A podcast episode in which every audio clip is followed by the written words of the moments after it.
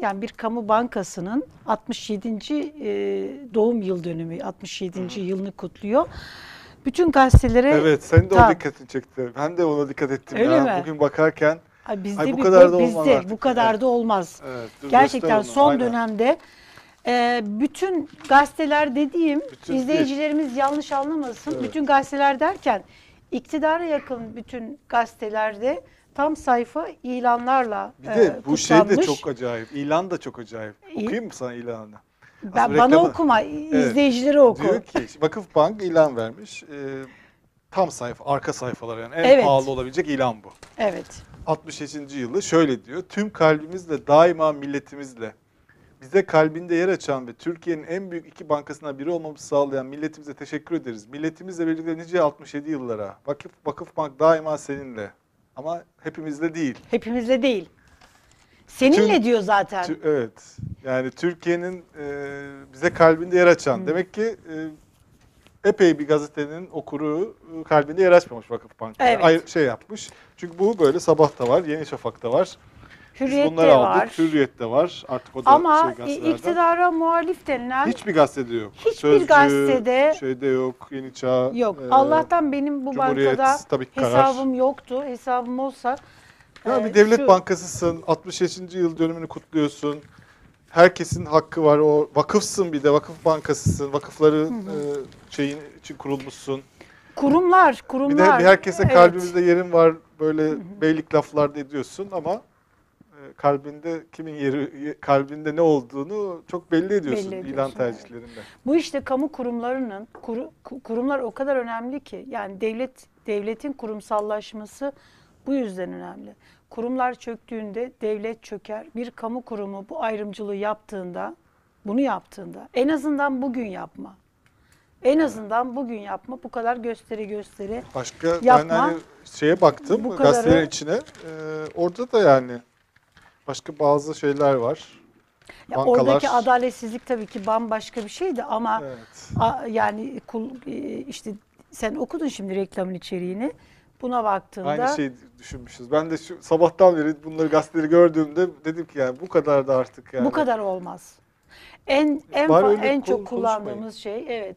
Neyse daha fazla konuşmayalım. İşte her şey ortada. E ka- kamu bankalarına Yıldıray kamu bir kamu bankasına milli güreşçi birisini Buradaydı değil mi bu bankaydı? evet buradaydı. Atadığında istifa etti istifa etti. İstifa etti de ne oldu? 5 maaş, 4 maaş alanlar Ne diyorlar? yani Etiktir onlar diyorlar, evet diyorlar. etiktir diyorlar. Kanunlara uygun diyorlar. Yani vicdanlara uygun, ahlaka uygun demiyorlar. Yani bunlar adalete uygun denmiyor. Sadece bir bir şey. tanesi istifa etti. Yüzlercesi var, binlercesi var.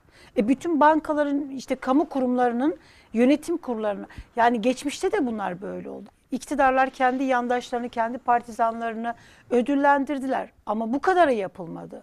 Yani eski milletvekilleri, eski belediye başkanları yani partizanlık hiçbir devirde, hiçbir dönemde bu kadar böyle göstere göstere ve bu kadar hoyratça yapılmadı. Devlet kurumları bu kadar böyle dağıtılmadı. Yazık günah. Sadece devlet kurumunda değil bazı şirketler bile Şirketler artık, de böyle. yani, yani- devlete yak- şey şirket onların yönetimleri de artık Evet. atanıyor. Evet yani e, üniversiteler, evet ya. e, üniversiteler Bu kadar insan işsizlik varken bu kadar Evet. insanlar yurt dışına kaçmak için yaratıcı yollara başvuruyorlar. Eğitimli insanlar işsiz. Yani geçenler yani ben bazen böyle mailler geliyor. Yani insanlar tabii şeyler işte gazetede iş arıyorlar, başka yerlerde iş arıyorlar. Bir CV'ler okuyorum yani inanamıyorum yani böyle insanların işsiz olmasına. Ama işte bir pozis bir yerde bir kişi altı tane pozisyonda olunca evet. yani et- insan şey olarak yapmaz ya. Bir iş yapıyorsun yani sonuçta. O işten de e, yap yani sonuçta bir müdürlük falan bunların yaptığı işlerde ya da baş danışmanlık. Bunlar az maaşları olan işler değil yani. Evet. Ankara'da yaşıyorsun. Hani bir, E bir böyle- tevazi bir hayat kur kendine o Bak zaman. böyle olduğu yani zaman bu kadar çok işsizlik olduğu Evet. bir yerde nasıl kabul edebilirsin yani? Özel sektörde yapabilirsin diyelim. Özel sektörde becerebiliyorsan git orada da çalış, burada çalış. Ama yani kamu işi yapıyorsun yani. Nasıl yaparsın? ya? Şimdi Maria Antoinette'ye e, atfedilen bir şey var ya ekmek bulamıyorlarsa pasta yesinler. Hadi bu tarihte bu söylenmedi böyle bir diyelim bunun ama bugün bu- bugün bu sözün bir karşılığı var.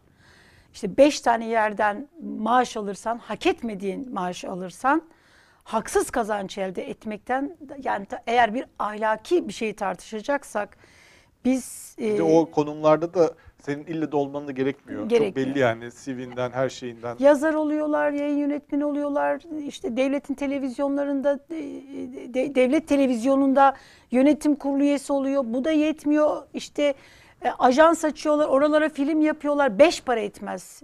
İşte filmler, şeyler yapılıyor. O da yetmiyor. Kültür Bakanlığı'ndan alıyorlar. O da yetmiyor. Başka bir şeyler yapılıyor. Bütün köşelerinde herkes Ondan hakaret da ediyorlar özgürce. köşte- ama şey var. Turgay Yıldız'ı geçen gün ağırladığımızda o bir CV böyle hani işe girme, iktidarda işe girme CV'si diye bir e, skeç yapmıştı. Orada şey söylüyordu işte muhalefete şu kadar küfrettim, buraya bu kadar laf söyledim.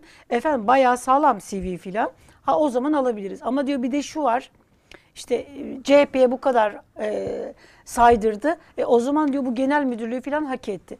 Yani bunlar e, gü- gülebiliriz ama bunlar gerçek. Bir de bundan sonra da çıkıp ahlaki kriterlerden e, işte dini şeylerden bahsediliyor.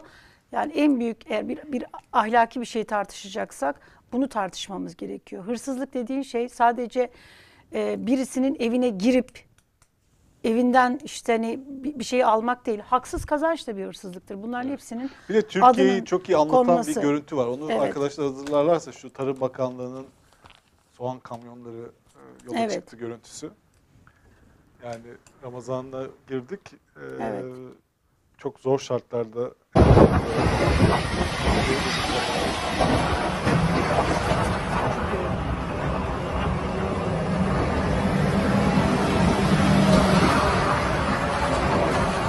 Tarım Bakanlığı şöyle düşünüyor. İşte Konya'nın işte hangi ilçesi? Çermik miydi? Çermik ilçesinden işte soğan kamyonları yola çıktı İstanbul'a doğru diye. Bunu böyle Evet. koskoca Tarım Bakanlığı yani bunu böyle duyurdu. Yani böyle bir yani eee, ne diyelim yani buna? Devletin görevi bunu böyle hem bununla övünmek de değil, soğan dağıtmak da değil. Yani Cumhur- ekonomiyi toparlayacaksın. Soğan ucuz bir şey. İnsanlar soğan e, alacaklar yani. Budur Yani- devletin görevi. Ya bu bu hale düştüğün zaman Bir de bunu övünerek anlatıyorsun evet ya. Bu nasıl bir ekonomiyi şey ya? uçuracak dediğiniz hükümet sisteminde sen soğan da, da- dağıtacak duruma geliyorsun. Kamyonlar İstanbul'a Ol- ol- geliyor. bir de. Hani evet. deprem bölgesi işte Değil, bir şey değil. İstanbul'a değil. kamyonlar İstanbul'a- geliyor. Türkiye'nin en büyük şehrine. Sen de bunu böyle tanıtıyorsun. Evet. Bununla Nasıl da bir şey gurur ya? duyuyorsun. Biz soğan dağıtıyoruz. Ekmek askıya çıktı. Geriye hakikaten ne kalacak? Ya bütün bunlar olurken de e, hani biraz önce şeyi tamamlamadım, sözümü tamamlamadım. Beş tane, altı tane yerden maaş alırsan işte karşına birisi çıktığında o fil dişi saraylara, kulelerin içerisine girersen, girdiğinde e, karşına işte Malatya'da e, evimize ekmek götüremiyoruz dediğinde abartıyorsun dersin. İşsizlik var dendiğinde abartıyorsunuz dersin. Çünkü neden? Gerçeklikten koparsın. Bu bugünkü işte halkın içerisinden gelen AK Parti'nin açısından oldukça dramatik. Halktan ne kadar koptuğunun bir göstergesi. Bak Libya'ya 150 bin aşı gönderiyormuşuz. Yani Türkiye'nin elbette Libya'ya da gönderelim, bütün bütün yoksul ülkelere gönderelim her yere. Güçlü devlet olmak bunu gerektirir. Yani gurur duyalım kendimizle. Evet biz aşı sorunumuzu hallettik bu ülkede. Ya da aşı üretiyoruz. Aşı üretiyoruz. veriyoruz. Bizim aşı sorunumuz yok. Çatır çatır işte söz verdiğimiz anlaşmalarımızı yaptık. En iyi aşıyı ülkemize getirdik. Biz o kadar güçlüyüz ki başka yerlere de biz aşı gönderiyoruz. Yani Nereye insan buna tabii bir şey diyemiyor. O kadar zor durdu ki o Libya şeyde. Ama bu Yıldıray, şeylerin, bu şey yöneticilerimizin e, hayallerindeki böyle bütün dünyaya dağıtan, saçan Türkiye ile Türkiye'nin gerçekleri arasında çok büyük bir uçurum var. Eğer gerçekten böyle işte e, eli bol, herkese yardım eden, oraya buraya yetişen bir devlet e, hayal ediyorlarsa ki biz de isteriz yani bir devlet olmasını. Dünyaya insanlara yardım eden. O zaman e, içeride böyle yönetmemeleri lazım. Bu Yani arada soğan kamyonu evet. şey yapıyorsun, hayır hasenat yapan işte ve bunu da tanıtıyorsun yani büyük Evet. bir olaymış gibi. Bir izleyicimiz Faruk Demir diyor ki geçen gün Yalçın Bey ile teknik sorundan dolayı program yapılamadı. Ee, Yavuz Oğhan ile de tekrar program yapmanızı bekliyoruz. Yavuz Oğhan da önümüzdeki günlerde evet buradan bir program alacaklı. Bir gelecek buraya. Yavuz Oğhan'la da e, AK Parti'nin kongresi olduğunu kongresinden dolayı evet unutmuştuk. Yavuz Oğhan'la da en kısa zamanda yapamadığımız yarım kalan yayını yapacağız mutlaka. Merak etmeyin. Faruk Demir selamlar. Bu arada bir de bir şey. dün bir olay yaşandı. Ee, Aydın'da bir şey, e, bir doktor. İzledin mi olayı? Haberin var mı? Evet Bir onu izleyelim mi onun videosunda? izleyelim. Çünkü onunla ilgili bir açıklama da yapıldı. şey yapın ve gerekeni yaparlar dedim. Dedi ben başsavcıyım dedi. Cumhuriyet başsavcısıyım. Seninle uğraşırım dedi. Ben de öyle deyince yani dedim ya sizin haklarınız varsa bizim kendi haklarımız da var. Ve e, gerekli yerlere gidip şikayette bulunabileceğini resmi yoldan gerekli hani şeyin yapılacağını söyledim. Bunun üzerine şahıs odadan çıkmadı. Sesini yükseltip parmak sallamaya başladı. Bana ben hani normal yolla konuşmaya çalışmama rağmen böyle ben suçluymuşum gibi bana bağırarak konuşma şu bu demeye başladı. Sanki kendisiyle bağırarak konuşuyormuşum gibi. Ben dedim beyefendi sizle ben diyalog kuramıyorum. Çıktım odadan gittim. Başka bir hasta vardı. Kalp, e, kalp damar yoğun bakımda yatıyordu şahıs. Ben ona baktım. Geri döndüm. Geri döndüğümde bir baktım ki e, Defne Hanım dışarıda kapı kapalı bir şekilde bizim polikliniğimiz kapanmış. Hastaların hepsi kapının önünde bekliyor. Ondan sonra biz Defne Hanım'la içeri girdik anahtarımızla. Bir baktık savcı bey orada oturuyormuş. Biz de kendisine bakın diğer hastaların işini yapmamızı engelliyorsunuz. Adli vakalarımız var. Ondan sonra bizim heyet hastalarımız var, diğer hastalarımız var. Bizim işimizi engelliyorsunuz. Nüfusunuzu kullanarak bu e, yani diğer hastaların sağlık hakkını iş- e, yani işgal ediyorsunuz resmen dedik. Adam daha da sinirlendi, bağırmaya başladı, parmağını sallamaya başladı. Biz böyle olunca güvenliği çağırdık. Güvenlikten iki kişi, biri hastane polis memurumuz geldi. Geldiğinde içeride ee, herkesin gözü önünde ben hani tekrardan dışarı çıkmasını istedim. Şahıs çıkmadı. Ben gerekli yerleri aradım. Bak nasıl sana kendime baktırtacağım. Seninle ilgileneceğim. Seninle uğraşacağım diye tehditler savurdu. Böyle olunca ben yine dedim sizinle ben diyalog kuramıyorum. Çıktım odadan gittim yani. Artık ondan sonra e, hastanenin başka birimleri gelip şahısla ilgilenip dışarı çıkarmışlar. Ben sonradan ve sonra ben hastalarıma bakarken bir öğrendim ki mevcutlu bir şekilde e, karakola isteniyormuşum. Şahıs e, resmen yani kendi nüfusunu kullanarak e, tamamen keyfi bir Evet. İnanılmaz. Osmaniye bu. Aydın pardon demişim. İnanılmaz bir olay yani. Ve bununla ilgili daha feci bir şey var. Şimdi Osmaniye Cumhuriyet Başsavcısı açıklama yaptı bununla ilgili. Diyor ki işte Bu adam CHP'li ya da FETÖ'cü ya da başka bir şey çıkmıştır doktor. öyle şöyle diyor. Ben bilmiyorum açıklamayı kesin. Ben sana söyleyeyim. Sen okuma. Bakayım bilebilecek miyim? Yok bilemedin. Bilemedin daha da mi? tuhaf. Daha da mı tuhaf? Yani diyor Ama ki tamam yani bir tuhaflık var yani. Evet. Ee, diyor ki işte orada tartıştılar diyor, hakaret etti diyor doktor ona. Onun üzerine de diyor nöbetçi doktor aynı gün başsavcılığımıza şüpheli sıfatıyla ifadesi alınarak serbest bırakılmıştır. Aksi yöndeki iddialar gerçeği yansıtmıyor. Ne aksi yöndeki iddiası ya? Zaten o, haber bu. Yani sen haber şu. Bir savcı, Cumhuriyet savcısı doktora gidiyor muayene olmak için. Ortopedist doktora gidiyor. Burada diyor ki işte tartıştılar aralarında o an hakaret ediyor. Doktora diyor ki ben sırasını bekle dedim. Muayene randevu almamış dedim. Diyelim ki bunların hiçbiri do- hepsi doğru. Ee, ne oluyor olay? Olay şu. Sen doktora gidiyorsun. Sonra orada doktorla bir tartışma yaşıyorsun. Ee, çünkü doktorun anlattığı şeyler daha feci. Yani kapattırıyor orayı yani falan. Orada oturuyor falan. Korkunç bir şey anlatıyor ki doğru olma ihtimali çok yüksek. Ee, tamam diyelim ki bu sağ, başsavcı doğru. Ee, tartışıyorsun. Sonra bu yaşadığın kişisel sorun yüzünden az önce muayeneye gittiğin doktoru mevcutlu olarak karakola çağırtırıyorsun. Ve bu diyor ki e, aksi yöndeki iddialar gerçeği yansıtmamaktadır. Aksi yönde bir iddia yok ki. İddia bu zaten. Yıllar- Yani ve bunu utanmaz bir şekilde savunuyorsun sen. Yani sen buna normal geliyor sana. Yani doktora gitti, doktor ona laf etti. Bizim savcımız da karakola, polise söyledi. Karakola çağırttı doktor. Ne var bunda kardeşim diyor yani bu açıklama. Yıldıray şeyi hatırlıyor musun? Ee, Bu evinin önünde işte araba parkıyla alakalı bir savcı. Evet. Hatırlıyorsun değil mi? Orada da sen benim sileceğime dokundun diye bir vatandaşı bir, bir şey vardı yani. Evet, Araba sileceğiyle evet, evet, alakalı değil mi? sileceğime dok- zarar verdin diye. O Zarar da o aynı şekilde diye. şey yaptı o da. Kara, Ee, sana gününü gösteririm demişti. tabii o Yani da şu sabah sıra saatlerinde hatta basıldı onun evi bunlar, alındı. bu savcılar Bunlar tesadüf değil yani. Bu or- bu bu insanlara verilen şey bu, hava bu. Evet. Yani deniyor ki bunlara sen devletsin, her şeyi yapabilirsin. Ya zaten kimse sorgu sorulmuyor kimseye. Kimseye hesap sorulmuyor. Yap istediğini. Sana kimse bir şey diyemez. Senin hani Evet. düğmeni koparırsa e, alırlar onu deniyor yani. Aslında bu bu tesadüf değil. Yani bu şimdi kişisel olaylara çevriliyor bunlar. İşte bu Evet. savcı kötü savcı. Bu öyle değil. Bu bir ortam meselesi. hiçbir şey olmayacak. Bu bu savcı her kimse adı sanı bu savcı arkasında güvendiği birileri Başsavcı var olmasa zaten. başsavcı başsavcı var ama yani işte o da kim çünkü yargının içerisinde bölünmeler var Evet. biliyorsun. Yani ocu var, bucu var, ekipler var. Bambaşka şeyler var. Tarihin hiçbir döneminde e, bu şekilde e, bir doktoru birisini sana günlü seninle uğraşırım diyen bir dil bir savcı.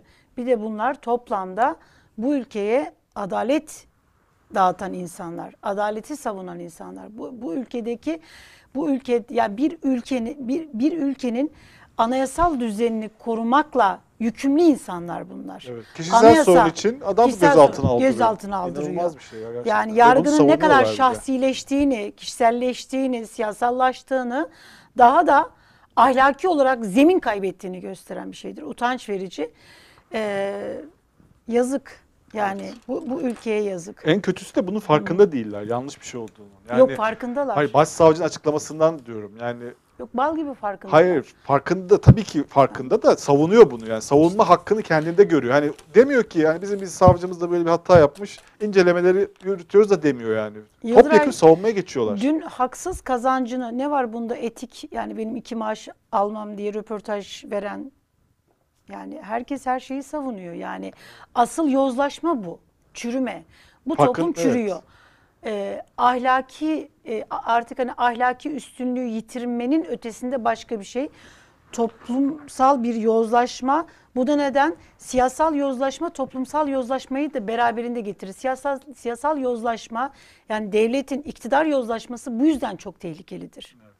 Yani bundan dolayı toplamda bir yozlaşmayı beraberinde getirir. Dün e, Ali Babacan yani çok uzun zamandan beri böyle hani çok e, ben biraz böyle eleştiriyordum. Yani biraz hani böyle söylediğiniz sözün böyle hani geç kalıyor filan e, siyasi refleksleri birazcık daha zayıf filan diye. Ya dünkü konuşması çok güzeldi Kanal İstanbul konusunda gösterdiği tepki. Dinledin mi konuşmasını? Dinlemedim. Dinlemedin. Ben dinledim Kararda okudum yani. Karar. Yok çok güzeldi. Gösterdiği tepki de gü- güzeldi.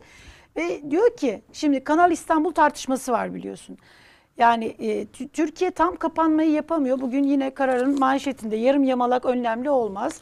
Her gün 50 bini geç, vaka sayısı 50 bini geçti. Biraz 54 böyle yavaşladı binlerde. gibi sanki. Bir sabitlemeye çalışıyorlar. Sabitlemeye çalışıyorlar. Orada gene böyle bir ra- Turizm şeylerle mevsimi de tavalar ısındı. de kurumlar bir kurum devreye girdi. Orada rakamları, şeyleri, istatistikleri böyle bir sabitlemeye Ayarlama çalışıyorlar. enstitüsü devreye. Ayarlama enstitüsü devreye girdi. Ee, ama ne olursa olsun bir gün e, gerçekten böyle e, Sağlık Bakanı çıkıp demişti ya bak ben Fatih Altaylı'ya gönderdi. Yalan söylemediğimin belgesidir diye. Bir gün yalan söylemediğimizin belgesidir diye bütün iktidar işte Cumhurbaşkanlığı bakanları çıksa ellerinde rakamlarla e, be- belgelerle çıksalar yine de ona inanılmayacak. Yani o, o güven güven kaybolduğu zaman bu raddeye geliyor. bu- buna geliyor. 250'nin 50 ölüm vakası yaşanıyor. Buna rağmen hükümet, iktidar e, bir tam kapanma, tam önlem e, alamıyor. İşte 200 milyar dolar Kanal İstanbul en az böyle. 2 milyar dolar bütün işte bir tam kapanmayı sağladığın zaman maliyet bu. Bunu yapamayan iktidara e, Babacan seslendi. Dedi ki madem ki para bol Madem ki 150 ülke 157 ülkeye de yardım yapıyoruz. Kendi vatandaşınıza neden yardım yapmıyorsunuz? Mesele Libya'ya gönderilen aşı değil. Kimse tabii ki bu, bu ülke yardımlaşmayı seven, evindeki ekmeği paylaşan. Yani burada bir yardım karşıtlığı falan Yok. yok yani. Değil. Ama hani sen e, kendi vatandaşına daha aşıyı e, sen aşı üretmiyorsun. Aşı, Aşı- üreten bir ülke olsaydı hani Rusya, Evet. Çin falan yapıyor Gönder. öyle. Evet, İngiltere Gönder. yapıyor, Bununla Hindistan'a gönderdi falan. Gurur duyalım. Neden Kanal İstanbul'da e, şey yapıyorsun? Sadece. 128 milyar dolar hala bunun hesabını veremeyen bir hükümet var, iktidar var.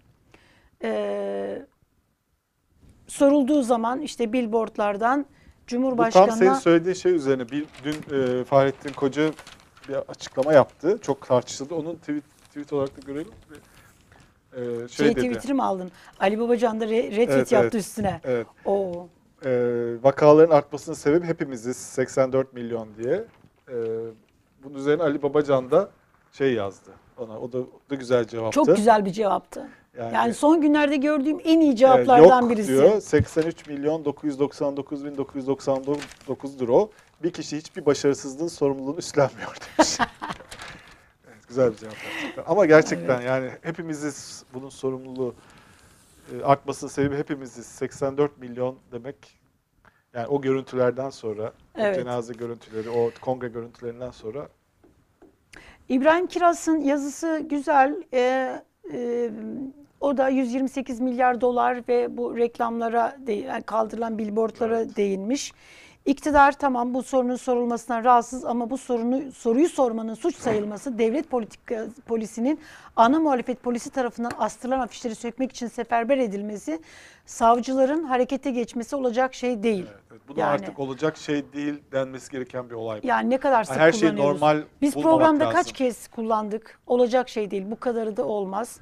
Oluyor. Ama normalleştirmemek lazım Evet. bazı şeyleri. Yani bir billboard'un işte billboard'da herkesin sorduğu bir sorunun Cumhurbaşkanı hakareti olarak toplatılmasını normal görmemek lazım. O yüzden Kesinlikle. buna net dur karşı çıkmak lazım. Taha Akyol'da şey yazmış. Bu işte billboardlarla alakalı e, Cumhurbaşkanı hakaretten soruşturmalar başlatıldı ya. Bununla alakalı diyor ki e, Cumhurbaşkanı Erdoğan'a hakaret suçundan 6 yılda 128 bin burada bir 128 var. 100 biraz Devlet Bahçeli'nin matematik epçe şeyini matematik hesabına benzedi ama 128.872 kişi hakkında reysen e, veya şikayetten savcılık tarafından soruşturma başlatılmış. Bunlardan 27.824 e, ceza davası açılmış. E, 9.556 mahkumiyet kararı verilmiş. Şimdi biz esas bir mevzumuz var. Ee, onu konuşalım. Sabaha karşı belli oldu. Çünkü Ne, ne- amiral meselesi. evet. Şimdi biz Türkiye'de 9 gündür ne konuşuluyor? Daha doğrusu 9 gün önce ne konuşuluyordu? Amiral Emekli amiralleri Amerika konuşuyordu. Amirallerin bildirisi. Bu gazete hatta dün biz Yeni Şafak'ta şey okuduk. Böyle yarım sayfa ila- şey vardı burada. Direneceğiz, sizin kim olduğunuzu biliyoruz, kuklacılarınızı tanıyoruz falan diye böyle bildiri vardı. Ne oldu şimdi? Ee, bu amiraller Yargıtay açıklama yaptı. Jandarma, sahil güvenlik, e, işte şey e, Boğaziçi Danıştay, Üniversitesi, tabii ki. Danıştay, İstanbul Yargıtay. Üniversitesi, Erzincan Tapu Kadastro, Kadıköy Orman Müdürlüğü hepsi açıklama yaptılar. Direni şey yapacağız, hükümetin yanındayız. Edepsizliktir bu. İşte milli iradeye saygısızlıktır. Cumhurbaşkanı şey yaptı. Bu gazeteler bayrak oldular günlerce. Darbe, darbe bildirisi, darbe şeyi. 9 gün gözaltı tutuldular. 14 kişi. Sonra Ne oldu? Hepsi adli şartla, kontrolle hepsi Berat. Şey, tahliye edildi. tahliye edildiler. serbest kaldılar yani. Evet serbest kaldılar. Ne oldu? Hani nasıl darbe bildirisi bu? Neden biliyor musun? Darbe böyle mi olur? Yani darbe bildirisi ise bu. Yıldıray Ee, eğer serbest şimdi bırakılır mı? Denendi oradan darbe çıkar, darbe çıkar, darbe tehlikesi filan. Bir gündem değişmeye çalıştı. Bakıldı ki tutmadı. Muhalefet burada oldukça başarılı bir e, e, Evet. e, muhalefet yürüttü. Ama yani bu böyle Olmadı. acayip bir durum yani. yani. Bir günlerce şeyin hatta şimdi açıp bakmak istiyorum. Acaba hala öyle mi? Mesela jandarmanın ve şeyin sitesi şeyle açılıyordu, bildiriyle açıklıyordu. Evet. Bir dakika bakalım. Hadi canlı yayında Sen onu- kontrol edelim. Sen ona bak. Ben de şey okuyayım. Akif peki şeyi söylüyor.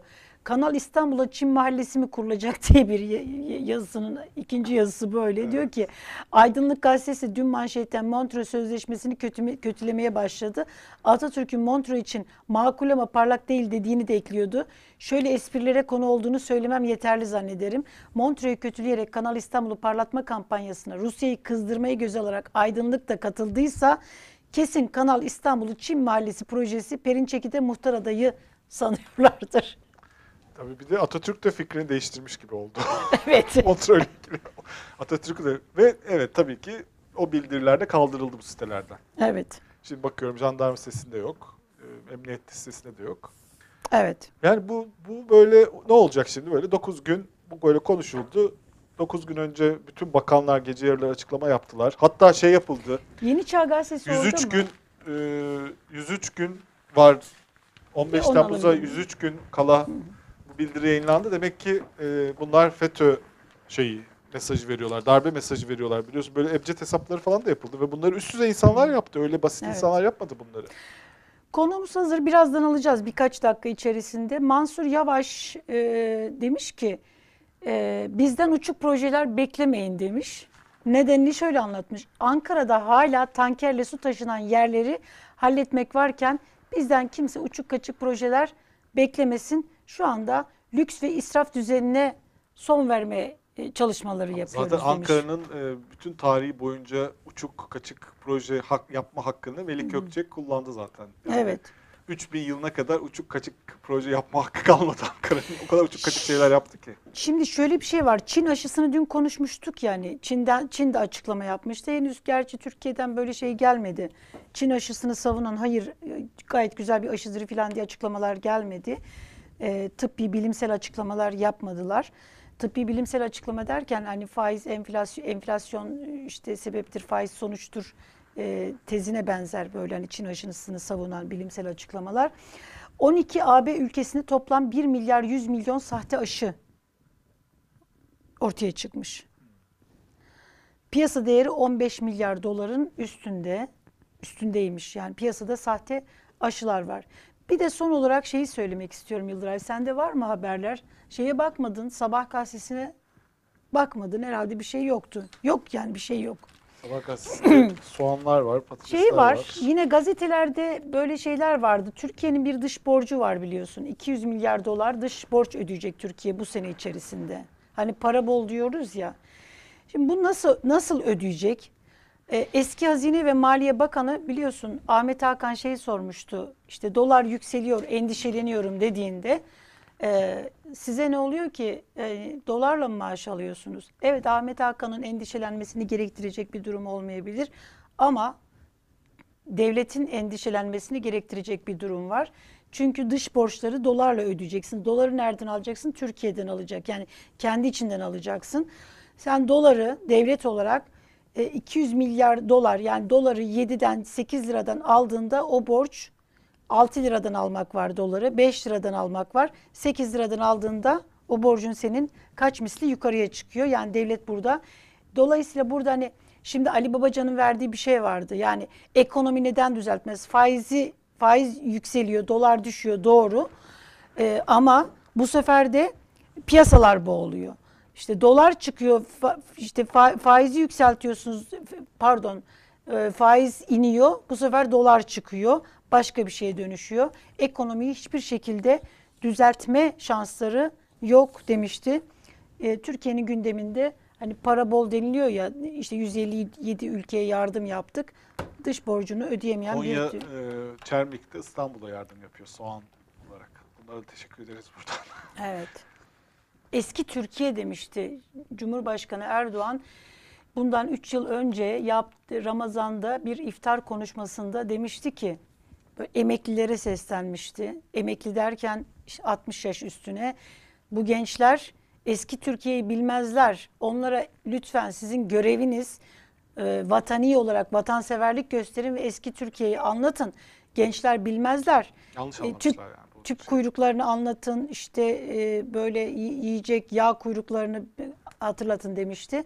Gençlerin bir şey görmesine gerek yok. Kendi dönemlerinde patates, soğan dağıtılan O talimat Tanzim- yanlış anlamışlar. O gençlerin e, Evet.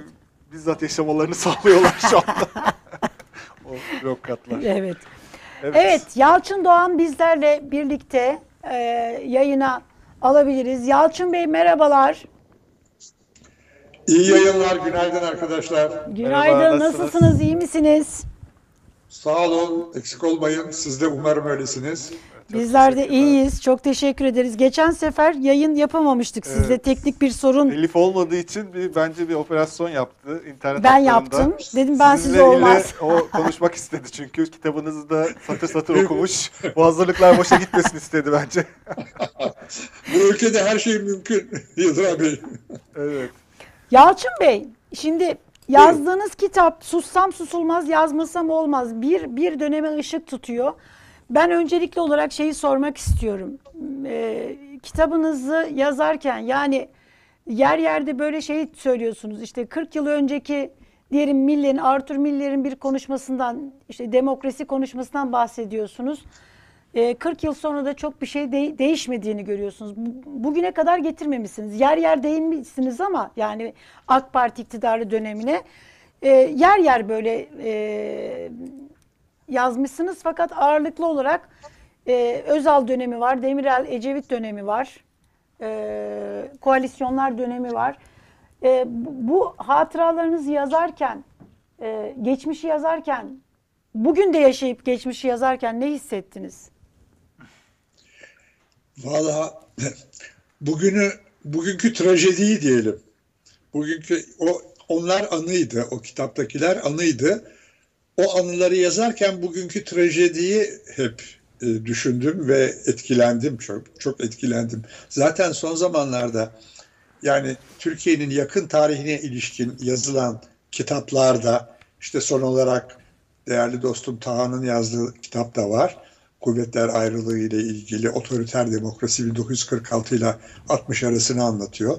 Evet. Ee, yine bundan bir iki ay önce Ertuğrul Güney'in bir hürriyet hikayesi diye yazdığı bir kitap var. 1950'lerde Demokrat Parti'den ayrılan ve Hürriyet Partisi'ni kuran ve o Hürriyet Partisi'nin e, hikayesini anlatan bir kitap var. Ergun Özvurdu'nun bir kitabı var. E, siyasal rejimler ve otoriter demokrasilerle ilgili bir kitabı var. Onların hepsi aslında geçmişi anlatıyor, tarihi anlatıyor. Ama o tarihin her sayfasında e, bugüne bugünü düşündüren e, olaylar var. Yani olay o zaman geçmiş, o zaman yaşanmış ve fakat e, bugünü düşündürüyor hepsi. E, kitabı yazarken anılı bu, yazdığım kitapta da yazarken hep bugünle karşılaştırdım ve o tarihte yaşananlarla bugün arasında olağanüstü tabii farklar var. Çünkü önceki en büyük fark ne? Demokrasi farkı. Hoşgörü farkı. Şimdi o tarihte e, Cumhurbaşkanı'nı eleştirdiniz. Doğrudan eleştirdiniz. Başbakanı eleştirdiniz. Doğrudan. E, ve kendilerine olmadık sorular sordunuz basın toplantılarında. E, ve e, öyle ki basın toplantıları sanki e, yani soru cevap soru cevap ba- bayağı çok ciddi böyle tartışmalara yol açan soru cevaplardı. Yani kızarlardı ister Dem- Demirel, ister Özal, kim olur, ister Ecevit, kim olursa olsun. Kızarlardı belki sorulara ama cevap verirlerdi ve fakat orada kalırdı o iş. Yani o basın toplantısında kalırdı. Soru cevap. Sonra gelince siz işte basın toplantısında ne olduysa onu yazarsınız. Ee, şu soruldu, bu cevap alındı falan diye yazarsınız ve hiç kimseden bir ses çıkmaz. Hiç kimse sizi size hakaret etmez. Hiç kimse sizi mahkemelere vermeye kalkmaz. Hiç kimse sizi işinizden etmeye kalkmaz. Hiç kimse sizi patronunuza şikayet etmez. Böyle bir şey yok. Olmazdı. Şimdi o e, anıları yaşarken de tabii dünya kadar ters şeyler oluyor. Ters sorular soruyorsunuz. Ters olaylar yaşanıyor. İşte yani Demirel'in bir lafı var. Kitapta o yok zannediyorum. E, bir gün e, sohbet ediyorduk e, ve galiba Cumhurbaşkanıydı. Birisi kendisinin aleyhinde Doğru Yol Partisi'nden birisi onun aleyhinde bir söz söylemiş. Ben de bakın dedim sizin partinizden, eski partinizden artık tabii partili cumhurbaşkanı o zaman yok. Sizin eski partinizden bir arkadaşınız böyle böyle söylemiş. Dedi ki, e dedi bu kadar iktidar yılları içinde birilerinin ayağına mutlaka basarsınız dedi. Ee, belki siz de o arkadaşınızın ayağına bastınız. Ama dedi, onu dedi basmış olabilirim. Fakat şimdi onun o söylediğini de hoşgörüyle karşılamak gerekir dedi. Bu şimdi son derece e, önemli bir şey. E, yani hoşgörüyle davranmak. Ya da yine onun e, kitapta var. E, Kenan Evren hastalanıyor. Cumhurbaşkanı ama artık e, Süleyman Demirel yani Evren'den sonra Özal seçilmiş, Özal vefat etmiş. Cumhurbaşkanı Demirel seçilmiş ve Evren hayatta ve hastalanmış. Demirel devreye girdi ve Evren'in e, hastalığıyla ilgilendi. İşte onun tabii ki eski bir cumhur darbe yaptı falan ama eski cumhurbaşkanı onun iyi bir hastanede galiba Gata'da tedavisi için işte Gata'nın başkanıyla, Sağlık Bakanıyla falan konuştu. Ben de kendisine dedim ki o zaman efendim yani Evren uğraşıyorsunuz bu belki insani bir şey ama o sizi darbeyle düşürdü falan. Döndü dedi ki bak kardeşim dedi devlet budur dedi. Devlet budur. Yani eskiden şöyle oldu böyle oldu beni devirdi. O dönemde 12 Eylül döneminde çok ağır insan hakları ihlalleri yaşandı. Çok kötü şeyler oldu. Siyaset allak bullak oldu. Ülkeye çok büyük zarar verdi. Pek çok insana hayati zararlar verdi. İnsanlar öldü, işkencelerde öldü. Haklarını kaybettiler, devletten atıldılar falan. Bütün bunlar oldu. Ama devlet işte budur dedi. Şimdi bu lafını hiç unutmuyorum. Devlet budur demek, devletin yönettiği insanlara yani kendi yurttaşlarına hoşgörü göstermesi demek. Ne olursa olsun. Dolayısıyla şimdi Elif Hanım siz sordunuz da hep onu yazarken aklıma hep bu hoşgörü geldi. Bugün olmayan. Evet. Ee, bir e, geçen programda biraz konuştuk ama çok duyulmadığı için e, belki tekrar e, onu da paylaşmak isterseniz bu e, tam bu konuyla ilgili en belki kitapta insanı okuyunca çarpan bir örnek olarak e, Kenan Evren'in ve bir uçak seyahatinde yaşadığınız olay var. E, bu gazetenizin kapatılması. Tamam. Onu Evet. bir anlatabilir misiniz tekrar Yalçın Bey? Tabii tabii anlatırım. Şimdi e, o dönemde gazeteler sık sık kapatılıyor sıkı yönetim tarafından. E, ben de Cumhuriyet'in Ankara temsilcisiyim. E, ben haftada bir sıkı yönetim komutanının karşısındayım. Recep Ergun'du, kor generalde. İşte gazetede şu haber, bu yorum, bu şu, bu bilmem ne falan. Sık, yani dediğim gibi haftada bir karşısındayım. Sabahın saat 7'sinde bir telefon. Özel e, kalem müdürü Albay. Yalçın Bey komutan derhal sizi bekliyor. Küt telefonu kapatıyor. Ben bir saat sonra Mamak'tayım. Sıkı yönetim komutanlığındayım. İşte bu haber böyle miydi, şu şöyle miydi, bu böyle miydi falan. Ondan sonra bazen kapatıyor. Bazen tehdit ediyor şimdi seni içeri atarım diye. Ee, bazen gazeteyi kapatıyor falan. Yine böyle bir e, haber sonrasında gazete kapatıldı.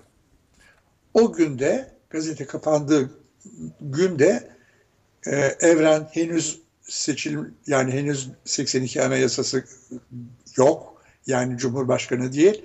O günkü deyimle henüz devlet başkanı e, ve orgeneral. E, yurt dışı gezisi var. Davetliler arasında ben de varım. 8-10 gazeteci var. 1980-81 o tarihte bir tek TRT var. Başka bir televizyon yok. Ee, onun için sadece gazete ve gazeteciler. Bindik uçağa gidiyoruz yurt dışına. O, bilirsiniz o tür gezilerde e, çok katıldım Cumhurbaşkanları ve Başbakanlarıyla. O gezilerde biz işte arkada otururuz falan uçak havalanır yarım saat sonra Cumhurbaşkanı ya da Başbakan ya da işte o zaman devlet başkanı gelir yanımıza bizle biraz sohbet eder. Biz sorarız o cevap verir. Evrene bir sorular sorarız. İhtilal yapmış adam. Ve gayet rahat da soru sorarız. Bazen kızar sinirlenir falan ama cevap verir. Geldi yine sohbet ettik falan işte şöyle oldu böyle oldu falan. Hatta bir keresinde e, o kitabın bir başka yerinde var. E, Sadun Arayn Hoca e, iktisat profesörü ve bir ara 1965'te Türkiye İşçi Partisi'nin milletvekili. Sadun Hoca o tarihte 70 yaşında falan e, gözaltına almışlar ve ne yazık ki çok kötü davranmışlar. Çok ciddi dav kötü davranmışlar. E, yani daha fazlasını söylemek istemiyorum. Hoca da şikayet etti. Geldi bir mektup verdi. Ben de bunu götürdüm evrene verdim. Bakın böyle böyle olmuş falan diye. Böyle suratını astı falan. Ondan sonra da o, o insanlar hakkında zannediyorum işlem yapıldı. Neyse bu parantezi kapatalım. Sizin sorduğunuz soruya dönelim. Geldi konuştuk evrenle falan. Arkadaşlar dedi şimdilik bu kadar. Şimdi bunları yazabilirsiniz. Dönünce inince işte o zaman tabii telefon falan yok. Cep telefonu veya internet falan yok. İşte inince telefonlarla yazdırıyoruz. Ee, ve e, sonra dedi akşam tekrar sohbet ederiz. Arkadaşlar yazar ama ben yazamam dedim. Neden dedi? "E, Gazete kapalı dedim. Gazeteyi kapattınız dedim. Ha dedi böyle suratı allak bullak oldu. Gitti. Aradan bir 10 dakika falan geçti. Ali Baransel geldi. Çok sevdiğim bir dostumdur. Kulakları çınlasın. Ee, basın danışmanı. Uzun yıllar Çankaya'da Fahri Korutürk'ten itibaren basın danışmanlığı yaptı. Geldi dedi ki seni çağırıyor. Ben dedim ki uçaktan atacak mı? Güldük falan. Neyse gittim yanında. Böyle bir süzdü beni. Bana Doğan derdi. Doğan dedi sen de yazabilirsin. Nasıl dedim. E, dedi şimdi dedi söyle, söyledim dedi. Gazetenin yarın açılıyor dedi. Durdum bir an. "Ha, Teşekkür ederiz dedim. Ne yapabilirim? Dedim ki kokpite girebilir miyim? O anda aklıma geldi. Yani nasıl geldi aklıma onu da bilmiyorum. Yani o sırada genel yayın yönetmeni Cumhuriyet'te Hasan var. Ona haber vermem lazım. Yani hazırlık yapacak bir gün sonra, ertesi güne. Yani o gün gazeteyi hazırlaması lazım. Ee, tamam dedi.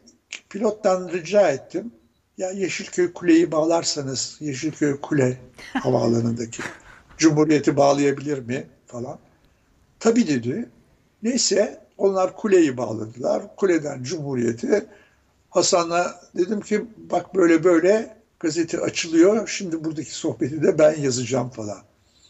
Şimdi tabii bu çok çok enteresan, çok çarpıcı bir şey. Yani birkaç açı- açıdan çarpıcı bir şey. Yine bugünle karşılaştırmak gerekir. Yani tarihi, yakın tarihin ya da ne bileyim yani Cumhuriyet tarihinin belki de her olayını bugünle karşılaştırmak gerekir. Bugünü daha iyi kavramak, bugünü görebilmek açısından. Şimdi orada ihtilal yapmış. Yani lamıcımı yok. Siz orada diyorsunuz ki ben yazamam. Çünkü gazeteyi kapattınız. Ama bu ses tonuyla söylüyorum. Ha diyor. Ve 10 dakika sonra gazetenin açılmasına karar veriyor ve bunu yapıyor. Arkasından da Gazeteyi yani- kapatmış ama sizi de çağırmış kapattığı gazetenin. Ta- bir de tabii o var. Gazete, doğru. Tabii bir de o var. Gazete kapalı ama ben davetliyim. Yani enteresan olan noktalardan biri de o tabii. Yani aslında çağırdı. Ben hatta e, gazete kapandı. Ben de çağrılıyım. Çünkü çağrı birkaç gün önceden olmuş. Yani biliyorsunuz işte e, bir türlü organizasyon vesaire falan oluyor. Hatta ben aradım. Ee, ya dedim gazete kapalı ben davetliyim ama e, geleceğim mi yoksa e, yani ben listeden çıktım mı çıkmadım mı? Yok geliyorsun dediler. Yani dediğiniz gibi Elif Hanım bir de gazete kapalı ben davetliyim uçaktayım. Ondan sonra da uçakta da böyle şeyler yaşanıyor. Yani Yani iletiş, iyi bir iletişim başkanı yokmuş demek ki. aynen öyle. aynen öyle. Evet. Şimdi Yalçın Bey Sadece bir de, bir Kenan Evrenci'yi de ben sormak istiyorum. Burada anlatıyorsunuz. Aslında Evren Kenan Evren'in Genelkurmay Başkanı olma ihtimali yok. Bir bir nevi böyle aradan çıkmış gibi. 1977'de Başbakan Evet. Demirel Kara Kuvvetleri Komutanı Orgeneral Namık Kemal Ersun'u darbe hazırlığı içerisinde olabilir iddiası ve kaygısıyla emekliye sevk edince daha da, daha sonrasında da e, Ersun'un yerine 3. Ordu e, Komutanı Orgeneral Ali Fethi Esener'in Kara Kuvvetleri Komutanı olarak atanmasına ilişkin kararnameyi Cumhurbaşkanı Fahri Korutürk'e e, Korutürk'e gönderiyor. İşte oralarda yaşanan tartışma Demirel tartışmalara da benziyor. benziyor tartışmalar. aslında. Ee, ve e, Kenan Evren aradan çıkıyor. evet. Demirel aslında birazcık da böyle şeye de yakın Evren Paşa'ya. Fakat Hüsamettin Cindoruk Demirel'i e, çok daha öncesinde uyarıyor. Aman diyor Evren'e dikkat edin çok kurnaz, karda yürür, izini belli etmez diye uyarıyor. Demirel diyor ki merak etme sağlamdır diyor. Doğru. Şimdi burada ben bunu okurken Sonra işte Demirel en çok işte bu darbeler tarihimizde hep darbelerin muhataplarından birisi de birisiydi Demirel. Ee, ben şeyin cevabını aradım. Yani sizin yakın ilişkileriniz de var. Hiç Demirel daha sonra bu Kenan Evren'i Genelkurmay Başkanı olarak bu kadar yakın ilgi gösterdiği için e, pişman ol, yani bir pişmanlığı var mıydı Evren Paşa konusunda? Doğru, doğrudan kişi olarak belki yoktu ama e, yani e, o 70'lerin sonunda 78 79 ve, ve, ve de 80'de 12 Eylül'e gelinceye kadar 1980 yılının ilk 7-8 ayında terör olağanüstü artmıştı. E, ve sağ-sol çatışması vardı. İşte her gün e, üniversite yani hem öğrenciler hem öğretim üyeleri hem avukatlar hem yargıçlar öldürülüyor ve o arada e, kitapta olması lazım e, çağırıyor ne isterseniz bu terörü durdurmak için ne isterseniz yapın vereceğim size diyor yasaysa yasa paraysa para falan orada Demirel Evet. hep özel sohbetlerde doğrudan kişiyle ilgili değil ama bir bütün olarak bir genel bir e, tanımdan hareketle o da şu. Bunlar hep hazır darbeyi hazırladılar. Bunlar diyordu. Yani tek başına bir kişiyi e, hedef almadan ya da bir kişinin adını anmadan genel olarak Evet. bunlar derdi ve bunlar şöyle oldu. Bunlar böyle yaptı falan. Şimdi e, ve fakat sonradan işte biraz önce anlattığım gibi Evren hastalanınca da öyle bir şey yaptı. Yani o e, yardım etti yani devlet budur diye falan. Şimdi siz Genelkurmay Başkanı ve ordu falan deyince aklıma yine kitapta olan başka bir olay geldi. Aklıma geldi. E, Demirel, Demirel Başbakan e, ama ikinci defa yani 90'dan sonra oluyor bu. 91-92'de falan oluyor. Yani 12 Eylül bitmiş, e, yasaklar kalkmış, e, Doğru Yol Partisi ile SHP koalisyon kurmuş. Demirel başbakan tekrar işte 6 defa gittim 7. defa geldim meselesi. O sırada Güneydoğu'da terör çok fazla artmış vaziyette. Şimdi sizin sorunuzla bağlantı kuracağım şimdi bu hikayenin devamında. Ben de Güneydoğu'ya gittim Cizre'ye ve İdil'e. Birkaç yere daha dolaştım ama o sırada terör çok fazla. Hatta e, Cizre'de alay komutanıyla görüşeceğim. Kaymakamın oradayım. Alay komutanı beni ben oraya gelemem siz buraya gelin dedi. Nasıl gelemezsiniz dedim. E dedi "Ç- şimdi ne olacağı belli olmaz. Alay komutanı Cizre'de beni çağırıyor kendi dışarı çıkamıyor. Düşünebiliyor musunuz? Neyse asıl söylemek istediğim şu. İdil'deyim. İdil'de kaymakamı ziyaret ettim. İşte ne oluyor ne bitiyor öğrenmek istiyorum falan. İdil'in de tarihi çok çarpıcı bir tarihi vardır. Yani uygarlıklar açısından eski çağdan kalan. Ee, İdil'de o sırada bir PKK'lının cenazesi var. Ve e, aşağı yukarı bine yakın kişi toplanmış. İdil'in sokaklarından geçiyorlar. Ellerinde cenaze ve işte e, BJ Apo, Serik Apo diye Öcalan'a tezahüratta bulunuyorlar. E, bütün dükkanlar kapalı. Bütün hepsi kapalı. O cenaze geçti, gitti. E, biraz sonra iki üç tane tank girdi. O tanklar kapalı dükkanlardan içeriye o tankın önündeki o namlu var ya dükkandan içeriye giriyor bütün dükkan yerle bir oluyor çıkıyor yandaki dükkana giriyor. Bütün dükkan iniyor çıkıyor. Korkunç bir manzara. Kaymakama dedim ki ne yapıyorlar bunlar ya? Ne yapıyorsunuz siz bu e dedi bunlar kapattı biz kapatmayın dedik falan. E dedim bunlara şimdi iyice itiyorsunuz öbür tarafa. Yani adam bir gün kapanacak, iki gün kapanacak, üçüncü gün dükkanını ister istemez açmak zorunda kalacak. Çünkü ekmek parası. Ya böyle yapmakla dedim yani çok kötü bir şey yapıyorsunuz. İyi bir şey değil demek istemiyorum. Dedim. Çok kötü bir şey yapıyorsunuz. Evet. Beni ilgilendirmiyor ama dedim yaptığınız kötü bir şey. Ondan sonra ve e, sonra otele döndüm. Demirel'i aramıştım başbakan. Sen hemen gelsene Ankara'ya dedi. Neyse gittim. bir gece Bakanlar Kurulu'ndan çıktı, çıkmıştı. Gece saat 12'de falan evinde beni e, kabul etti. Hatta yine Ramazan'dı. Ondan sonra bütün hem oruç tutuyor hem Bakanlar Kurulu günün yorgunluğu falan. Eline kağıdı kalemi aldı. Şimdi sen anlatacaksın ben dinleyeceğim dedi. Ben not tutacağım dedi. Ben anlattım. Böyle böyle oluyor oralarda falan. Bana ne dedi biliyor musunuz? Ben bu anlattıklarının yarısını bilmiyorum dedi. Ne dedim nasıl? Size briefing vermiyorlar mı Güneydoğu ile ilgili oldu. Ben bunların hiçbirini bilmiyorum dedi. Sonra durdu. Şimdi sen dedi şimdi bu olayı bilmeyeceksin. Şimdi dinle dedi ve bu olay yazılmayacak aramızda kalacak dedi. Cebinden küçük bir defter çıkardı. Bir telefon numarası çevirdi. Ee, ko- dedi ki karşıdaki kim olduğunu bilmiyorum. Yarın yazılı emir gelecek paşam. Bu uygulamayı durdurun dedi. Ve kapattı telefonu. Doğan Güreşli dedi. Bu olayı anlatacağım kendisine. Bir daha tanklarda böyle bir şey yapmayacak. E, e, ve e, bilmiyorum.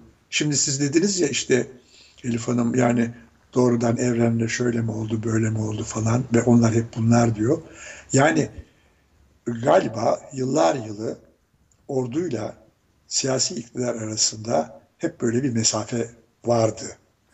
Ve bu mesafe zaman zaman da işte darbelere kadar uzandı. Ama mesela bu anlattığım olay 91-92 yani 10-12 yıl geçmiş 12 Eylül darbesinin üzerinden ve ben başbakan diyor ki ben bu anlattıklarının yarısını bilmiyorum. Oysa o Kitapta bilgilere sahip böyle- o- Evet. Kitapta çok benzer Efendim? şeyler, hikayeler var. Yani hani aslında medya konusunda belki Türkiye geçmişte çok daha iyi standartlardaydı ama pek çok konuda yani demokrasi, işte özgürlükler konusunda özellikle bazı kesimler işte Kürtler, dindarlar, azınlıklar çok mutlu değillerdi. Yani belki bunlar konuşulabiliyordu medyada. Fakat çok e, tabii çok korkunç olaylar yaşandı. 2001'de galiba oluyor olay. Ben yine sizin kitabınız, ben hatırlıyorum bunu yani benim yaşım yetiyor ona ama tekrar sizin kitabınızda çünkü siz ilk tanığısınız bunun. Mesut Yılmaz'ın e, rahmetli olduğu da e, onun çok meşhur bir e, pandomim şeyi var. E, askerlerle gibi açıklama yapıyor. Milli güvenlik e, işte konseptini eleştiren. Askerler de galiba onunla ilgili bir açıklama yapıyor. Şimdi karıştırmış olabilirim. Hatta ben yazdım da bunu ama o kadar çok benzer olay oluyor ki. Siz ama onun tanığısınız. Yani bir o zaman galiba başbakan yardımcısı e, elleriyle size işaret ediyor. Sessiz film oynayarak anlatıyor size. Bir onu anlatabilir misiniz? O da çünkü çok üzerinden geçtiği için Türkiye'nin o yılları da çok bilinmiyor. Ve Siz Ya, ilk tanığısınız Başbakan onu. yardımcısı değil. Başbakan o sırada Mesut Başbakan Yılmaz. evet doğru doğru evet. Başbakan ve e, kendisiyle e, böyle çok yakın arkadaş yani arkadaşlık diyebileceğim bir ilişki vardı kendisiyle. Yani ben işte Alman liseliyim, o İstanbul Erkek Liseli. Yani ikimiz de böyle Alman eğitimi almışız. Biraz da yani onun dalgasını da geçerdik. Onun verdiği böyle bir yakınlık vardı.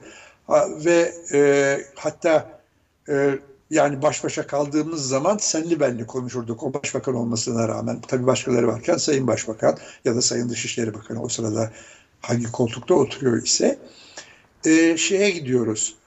E, Tiflis'e gidiyoruz. Gürcistan'a gidiyoruz. Şıvartnatse var o sırada. Ve e, uçakta e, rahmetli Mehmet Ali Birant var. Rahmetli Leyla Umar var. Muharrem Sarıkaya var. Ben varım gazeteci olarak. Dört gazeteci var. Ankara kendisi de e, Milli Güvenlik e, Kurulu'ndan çıkmış. E, toplantıdan çıkmış. Oradan çıktı. Uçağa bindi. Tiflis'e gidiyoruz. O günlerde de böyle yine bir hareketli bir, bir cumhurbaşkanlığı tartışması var. Kim olacak, kim olmayacak falan diye. Biz de e, geldi zaten dört gazeteciyiz. Leyla Umar zaten e, yani bu konularla, siyasi konularla ilgili değildi. Aslında yani Mehmet Ali, Muharrem ve ben konuşuyoruz, soru soruyoruz falan. O Mesut Yılmaz ya ne oldu işte Milli Güvenlik Kurulu'nda bu Cumhurbaşkanlığı falan. Bu e, Mesut Yılmaz şey yapmaya başladı. Eliyle dört işaret ediyor, omuzunu işaret ediyor. Ha dört yıldız diyoruz. Evet diyor. Bir işaret yapıyor. Dört yıldız bir. Çevik bir. Evet çevik bir diyor. Ne oldu? Böyle böyle yap. Yukarıya çıkmak istiyor. Yani Cumhurbaşkanlığına çıkmak istiyor. Evet Cumhurbaşkanı olmak istiyor. Böyle eliyle böyle yapıyor. Çok bastırıyor yani. O Evet, dinlendiğini mi düşünüyor orada? O yüzden E- böyle. Efendim? Dinlendiği için mi öyle yapıyor? Yok şey dedi. Hadi gelin size şimdi soruyor. Şimdi sizde dedi sessiz film oynayalım dedi. Peki oynayalım. Ondan sonra ve böyle bir 15-20 dakika bu sessiz film olarak anlattığı özünde çevik bir cumhurbaşkanı olmak istiyor. Milli Güvenlik Kurulu'nda da böyle bir tartışma olmuş ama onun dışında da böyle bir e, siyasi iktidar üzerine bir baskı var. E, yani yine asker kökenli birisinin cumhurbaşkanı olması ve tercihen de çevik birinin olması yönünde böyle bir eğilim. Ve bunu bu konuda da bastırıyorlar. Yani işin özeti bu 15-20 dakika e, böyle el hareketleriyle falan bunu anlattı. Devamı enteresan. İndik uçaktan ama gece. Zaten doğrudan yemek var. E, Şvarnatsen'in yemeği var. Biz ertesi sabah yazıları yazacağız. Ertesi sabah kahvaltıda buluştuk. Ee, bunları yazacağız mı dedim. Bana ne dedi yazın dedi. Dedim ki yani biz bunları buradan yazarsak Milli Güvenlik Kurulu falan bu doğrudan sizden çıktığı belli olacak bunun dedim. Ben anlatmadım. Ben dedi konuşmadım ki dedi. Siz dedi not aldınız dedi. Peki. Yazalım mı? Yazın bana ne dedi. Aynen. Tiflis'ten biz yazdık. Mehmet Ali, Muharrem ve ben. Ee, ben Milliyet'teyim. Mehmet Ali sabahta, Muharrem Hürriyet'te. Biz Tiflis'teyiz. Ertesi sabah İstanbul'dan bir telefon gazeteden.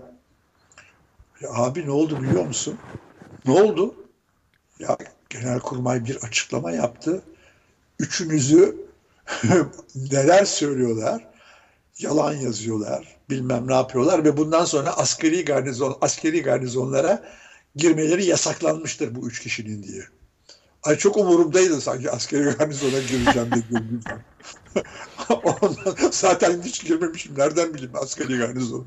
Ha, belki bir iki defa e, işte genelkurmay başkanları davet etmiştir 30 Ağustos'ta falan şeyde e, kokteylde bir iki defa falan gitmişimdir herhalde. Ama işte askeri garsonlara girmeleri yasak bunlar yalan yazıyorlar falan. Uuu neler neler söylüyorlar böyle. Bu arada da doğrudan e, Başbakan Mesut Yılmaz'ı hedef almıyorlar ve fakat ona da bir gönderme yapıyorlar. Şimdi bindik o günde dönüyoruz Türk Türkiye'ye tekrar. Dedik ki gördünüz mü dedim. Biz Mehmet Ali dedi ki ne yapacağız şimdi dedi. Baksanıza falan dedi. E, Mesut Yılmaz dedi ki e, e, sizin sorununuz dedi. Ben dedi şey söylemediğim söylemedim bunları siz yazdınız. Ya Sayın Başbakan nasıl olur falan. Neyse dedi bir bakalım ben gideyim Ankara'ya da bir bakalım falan dedi. Akşam hiç ses çıkmadı ondan sonra. Akşam o, o sırada ama tabii bana dünya kadar herhalde diğerleri de dünya kadar telefonlar geliyor. O arada Çevik bir Aydın Doğan aramış at bunu gazeteden diye. Ona hatta daha sonra e, Taha bilir. Taha'yı da atın bir de Umurtalı. Umurtalı bu üçünü atın gazeteden. Taha'yı, Umur'u ve beni. Tamam Atın sizi mesela. anladık da Taha Akyol'la Umur Talü nereden? İşte- Onlar da bonus olarak o- herhalde. Onlara da kızmışlar. İşte kim bilir yani şimdi hatırlamıyorum kim bilir neler yazdı ama bu üçünü atın gazeteden falan diye böyle bastırıyorlar birkaç defa. Onu böyle filan. Fakat şu devamı. O akşam Mesut Yılmaz Ali Kırca'ya çıktı. Ali Kırca o sırada ATV'de program yapıyor. İşte siyaset programları falan yapıyor. Ondan sonra çıktı. Tabii ilk soru bu gazeteciler bunu yazdı. Sizle beraber Tiflis'teydiler. Bunları siz mi anlattınız? Mesut Yılmaz'ın cevabı. Benim söylediklerimi yazmadılar. Söylemediğim şeyleri yazdılar. Doğru. Doğru. aslında. Doğru. Doğru. Ondan sonra bitti. Mehmet Ali aradı beni. Dedi ki Ya görüyor musun dedi bak nasıl biz şimdi dedi bütün bu hikayeyi bu pandomim oldu şöyle oldu sessiz film oldu yazın. Ya dedim ki sakın böyle bir şey yapma. Yani şimdi durup dururken daha da tırmanacak iş bizim üzerimizden kim bilir neler olacak. Biz bir olayın aktörleri falan değiliz. Ama biz gazetecilik görevini yaptık. Şimdi bizim üzerimizden de e, belli bir tartışma daha da tırmanacak falan. Bence böyle bir şey yapmayalım dedim. Ee, ben dedim seni arayacağım. Daha o kapattı telefonu Mesut Yılmaz aradı. İzledin mi dedi. İzledim dedim. Tek cümle söyledi. Anla beni dedi. Peki. Yani böyle Evet. söylemek zorundaydım. Evet. Çok zor Ee, zamanlar. çok yani zor. bir başbakanın böyle davranmak zorunda kaldığı zamanlarda yaşadı Türkiye maalesef. Evet. Evet, e, yani sıkı ne yönetim ki. tarafından Başbakanın Turgut Özal değil mi? Turgut Özal'ın sansürlendiği dönemleri yaşadık. E, şimdi anlattığınız kitapta geçen mesela invertir hadisesi var. İşte aydınlar bildirisi var. E, bu bunların hepsinin bugünde de bu bugüne de karşılığı var aslında. Yani her bir hadisenin bugün benzeri. Aa işte invertir bugün şu aydınlar bildirisi işte barış bildirisini imzalayan aydınlar diyoruz. Yani her bir her birisinin bugüne Var. baktığımız zaman e, bir, bir bir şeyi var, karşılığı var. E, iktidarlar hiçbir zaman gazetecileri sevmediler. E, ciddi anlamda yani gazetecilik etik e, e, kurallarına uygun gazetecilik yapanları sevmediler. Aydınlarla hiçbir zaman yani bir ülkenin aydınlarıyla bu ülkenin aydınlarıyla başları hiçbir zaman hoş olmadı. E, bizde dünyanın pek çok yerinde de böyle. Ee, ama Ecevit'in bir sözü var. Ecevit diyor ki e, gerçek iktidar aydınlarla barışıldığında yani olur. Siyasetçi Ecevit'i aydınlarla. değil. Ben- onu Kimin? söyleyecektim şimdi. Ecevit'i değil, Demirel'indir o laf. Ha, Demirel'indi değil mi? Pardon. Bir saniye. evet. Bakmadan tabii burada. Bir saniye bulacağım. Ee, evet. Bir onu anlatır mısınız? Ve size de Şimdi- teşekkür ediyor. Beni aydınlarla siz barıştırdınız diye. Evet. Şimdi şöyle oldu. Yani 12 Eylül'ü yani darbeyi ben hiçbir biçimde içime sindiremedim. Yani sindirmek de mümkün değil. Hiçbirimiz sindirmeyiz. Sindir ne zaman olursa olsun hiçbirimizin sindirmesi söz konusu değil. O tarihte de öyle. 1987'de söylemiş değil mi bunu size? Evet. Evet. Evet. Şimdi ya o yasaklı dönemden yeni çıkmıştı falan. Dolayısıyla hiç içime sindiremediğim için hem kişi olarak, yurttaş olarak hem gazeteci olarak ben sürekli olarak yani Erbak Türkeş'le hiç karşı karşıya gelmedik. Ee, Evet. Yani o mesafeyi hep kurduk. Birkaç kez de Erbakan'la rahmetli beraber olduk. Ama Ecevit ve e, Demirel'le her hafta görüştüm, görüşmüştüm. O görüşmelerden birinde e, yani darbe insanları değiştiriyor Yıldır abi, Elif Hanım Yıldır abi. İnsanları değiştiriyor. Yani insanları derken hem sıradan insanları değiştiriyor, hem gazetecileri değiştiriyor, hem de siyasileri, ülkeyi yönetenleri değiştiriyor. Akademisyenleri Demirel daha değiştiriyor. demokrat oldu demişsiniz darbeden sonra. Yani Ki hatta Demirel var. espri tabii hatta aramızda hep espri e, konusu olmuştu rahmetli Uğur Mumcu'yla falan beraber. Yani bir darbe daha olsa Demirel herhalde komünist olacak falan demişti. yani e, gerçekten çok daha fazla e, demokrat olmuştu. Daha çok hoşgörülü olmuştu. Ve e, bir gün e, şunu söyledi. Sen e, sen dedi beni dedi aydınlarla barıştırdın dedi. Ve sana, şunu, e, sana şunu söyleyeyim dedi. E, Ben hep hükümet oldum. Ama ne zaman ki aydınlarla barıştım o zaman iktidar oldum. Aydınlarla barışık olmayan hük- e, hükümetler iktidar olamaz. Aydınlarla barışık olmayanlar iktidar olamaz. Hükümet olur ama iktidar olamaz. İnşallah bugünkülerin kulağına da gider, bugünkülerin de kulağı çınlar bu sözlerle umarım. Yani Bu e, e, pek çok bu şey çok tarihi bir laf bence. evet. Evet. Pek çok aslında mesele Türkiye'de tekerrür ediyor ama daha kötüye de gidiyor. Ee, şimdi mesela biz her sabah burada e, çeşitli gazeteleri okuyoruz. Aslında program başlamadan önce itiraf etmek gerekirse çok fazla gazete okumuyorduk. Belki siz de çok okumuyorsunuzdur. Ee, yani şimdi mesela Sabah ve Hürriyet gazeteleri özellikle çok ilginç çünkü bunlar Türkiye'nin en önemli, en büyük gazeteleriydi. Ee, merkez gazetelerdi bunlar. Ee, bunlar e, çeşitli dönemlerde e, özellikle şu anki mevcut iktidarda olan işte Tayyip Erdoğan ve o harekete karşı da çok haşin davrandıkları, işte adıyla doğrudan hitap ettikleri, e, epey uğraştıkları dönemler oldu. Biraz da sanki onun verdiği bir revanş duygusuyla bu gazeteler artık tam tersi bir rotaya girmiş durumda. Kendi muhaliflerine karşı haşin davranıyorlar. Bu böyle baktığınız zaman siz bu gazetelere, şimdi bunların eski hepsinin tarihinde biliyorsunuz.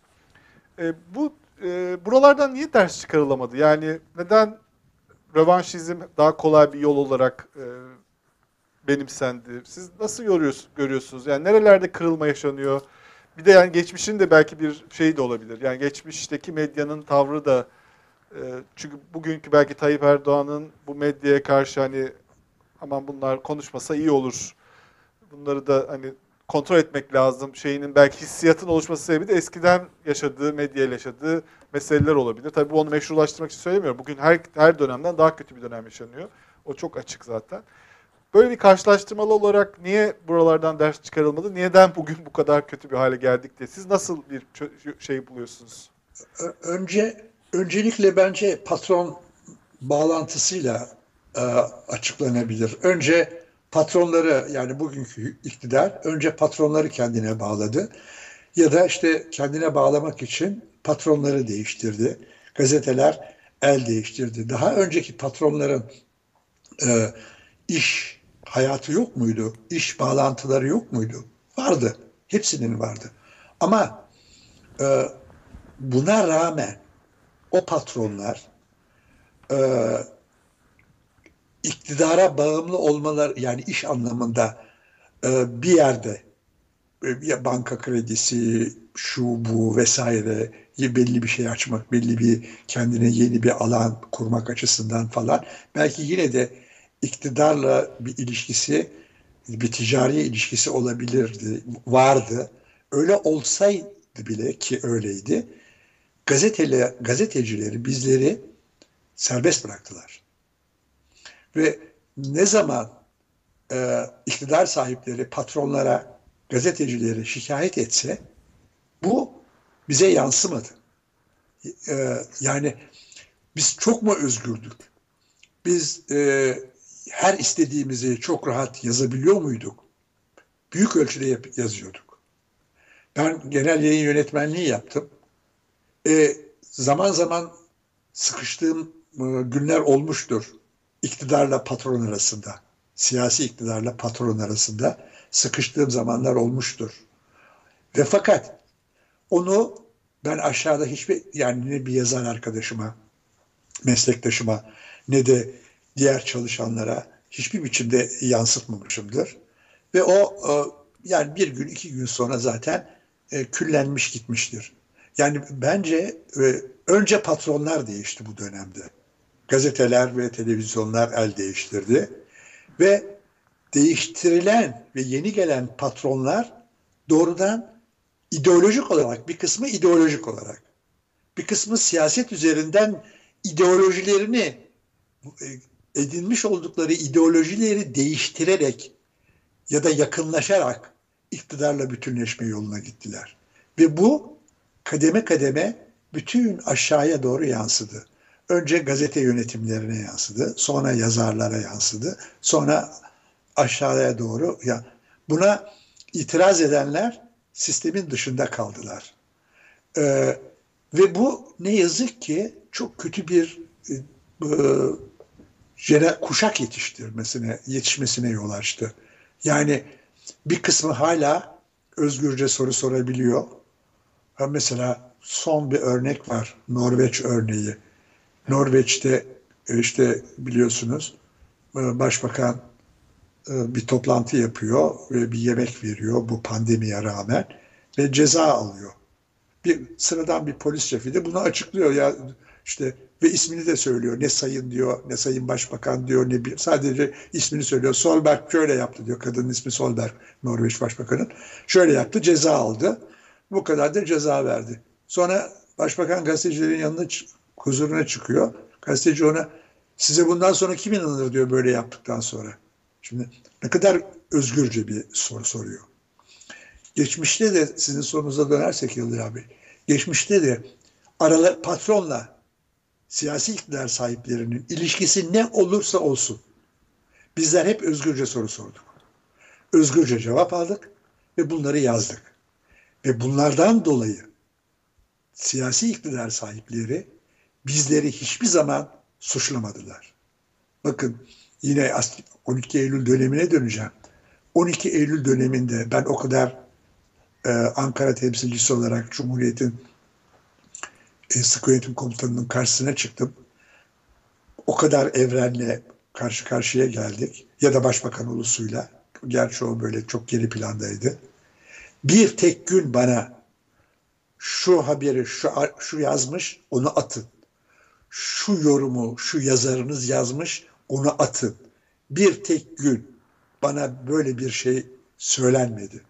Hasan Cemal Genel Yönetmen ona da bir tek gün askerler böyle bir şey söylemedi. Şimdi bu olağanüstü bir de, yani bugüne baktığımızda ve sizin sorunuza döndüğümde olağanüstü bir değişimi gösteriyor. Ve bence ve, dediğim gibi bu patronlardan başlıyor aşağıya kademe kademe. Ve bunların arasında aşağıya doğru inerken ne yazık ki ne yazık ki eskiden sadece basın özgürlüğü değil asıl temelde ve çok önemli olarak demokrasiyi den yana olduğunu sandığımız insanlar yavaş yavaş o oradan dönmeye başladılar ve iktidara yaranmak için e, gazetelerini öyle yapıyorlar. O tür yazılar yazıyorlar ve muhalefetin boşluklarını arıyorlar. Muhalefetin boşluğu yok mu? Her partinin var. Hepsinin var. Yani mümkün değil olmaması. Ama asıl iktidar bizi bu kadar böyle trajik bir döneme getirdi. Evet. Asıl... E, yorum vardı e, belki duymuşsunuzdur. E, 2017 referandumu kadar önemli olan meselelerden biri de Türkiye'deki değişim e, değişimde e, bu Doğan grubunun e, el değiştirmesi. Yani Doğan grubu çok iyi bir medyaydı diye değil ama bir bağımsız medya grubuydu. Kendi zaten bir medya geleneği olan bir gruptu. Onun el değiştirmesi en az hükümet sistemi kadar Türkiye'de bir dönüşme neden oldu deniyor. Evet. Şimdi belki bunu gerçekten bunu o zaman çok abartılı gelmişti bana ama şimdi düşününce gerçekten de öyle görünüyor biraz. Ya, Şeyi söylemişsiniz. Düşünebiliyor musunuz? O dönemde ilk anda 5 milyar dolar ceza verdiler Aydın Doğan'a. Sonra o 1 milyar dolara indi. Yani devlet borcu gibi. Böyle evet. bir şey dünyanın neresinde var? Ve e, o sırada ben hürriyetteyim. Sabahtan akşama kadar vergi denetmenleri gazetenin içinde fink atıyor. Yani böyle bir şey ve de herhalde e, Aydın Doğan'ın diğer şeylerinde kurumlarında e, ona bağlı diğer şirketlerde falan.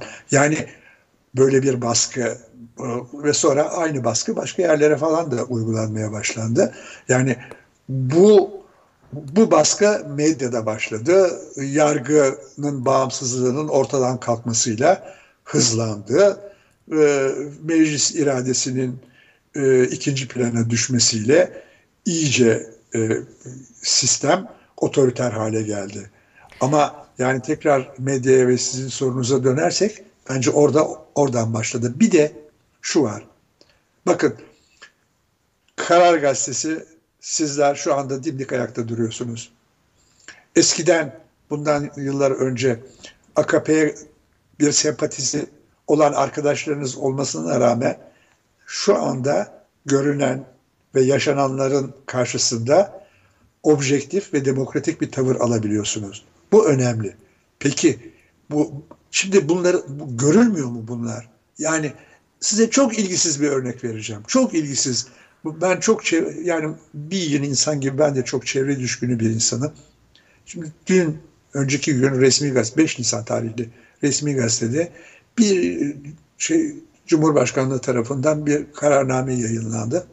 Bir yerde imar açılıyor. Bunlardan bir tanesi de Datça. Hatta Evet. Koyu. Bir- Evet.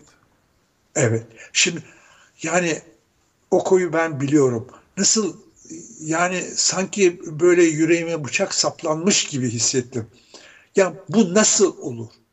Böyle bir kararı nasıl alır? O koyda imara, o koyu imara nasıl açar? Yani ne ne kazan, nasıl bir kazanç sağlayacak o çevreyi talan edince? Yani insanın aklı almıyor bunu. Ya da Evet. bir yıl e, insanların tarlalarında, köylerinde maden ocağı açıyorlar. Geçenlerde yine bir başka örnek. Muğla'nın bir köyünde gördünüz mü onu televizyonda bilmiyorum. Kadın ağaçları kesmek istiyorlar. Kadın kendini ağacın önüne koymuş. Önce beni kesin diyor. Yani olağanüstü bir şey.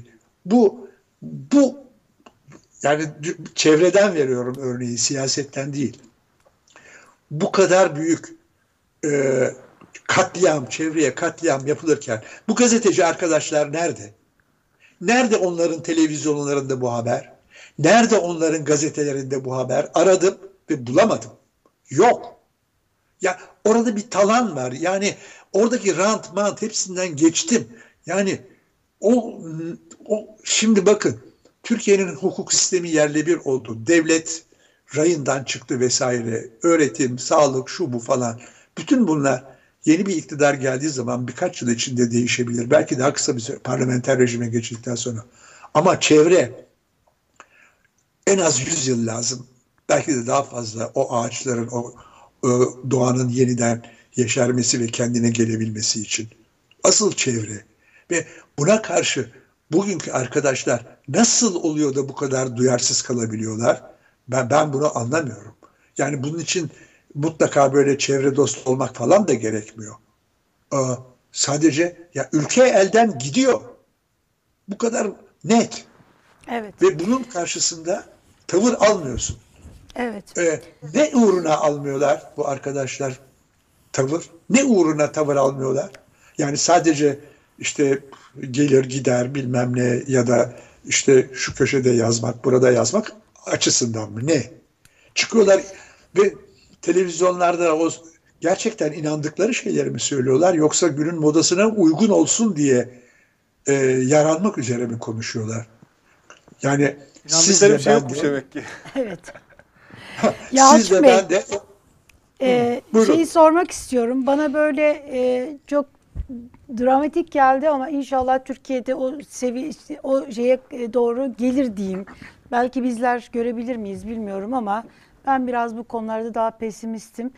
Siz şimdi yani Tunç Soyer İzmir Belediye Başkan adayı olduğunda babası üzerinden Tunç, e, Nurettin Soyer üzerinden çok gündeme geldi. Aslında e, Tunç Soyer'i babası üzerinden hedef alan iktidar e, iktidar siyasetçileri şeyde düşünmeleri lazım. Yani demek ki e, Nurettin Soyer ve Tunç Soyer örneğini örneği aynı zamanda kendileri için de bir örnek. E, ama akıl baştan gidince düşünülemiyor. Yani bugün diyelim ki e, sessiz kaldıkları, adaletsizliğe sessiz kalmaları, bir haksızlığın içerisinde bulunmaları, e, onlar bir gün hayatlarını kaybetse bile bugünkü iktidar siyasetçileri, yarın çocuklarına kendi böyle işte o kötü miraslarını bırakıyorlar. Kendi miraslarıyla anılacaklar. Çünkü bu, bu ülke hani rövanş toplumu aynı zamanda. Hani senin baban, senin baban yani o mirası bırakmış olacaklar. Siz orada orada babalar ve oğullar üzerinden aslında ayıplı bir şey. Yani bir çocuğu babası üzerinden ya da bir kişiyi babası üzerinden, annesi üzerinden yargılamak ve e, toptancı yaklaşmak. Sizin böyle bir yazdığınız bölüm var ve orada onu anlatır mısınız? O hikayeyi ben bir de sizden duymak isterim. İzleyicilerimiz de dinlesinler isterim. e, Almanya örneğini mi Almanya örneği evet Nazi Hitler örneği o dönemde Bir kere önce tabii sizin söylediğiniz e, yüzde bin doğru. Yani herkes e, kendisiyle, kendisinden sorumlu, anasından babasından falan sorumlu değil kimse. Yani herkes kendisinden sorumlu, her yurttaş kendisinden sorumlu. E, hatta önce bir Türkiye'den örnek vereyim.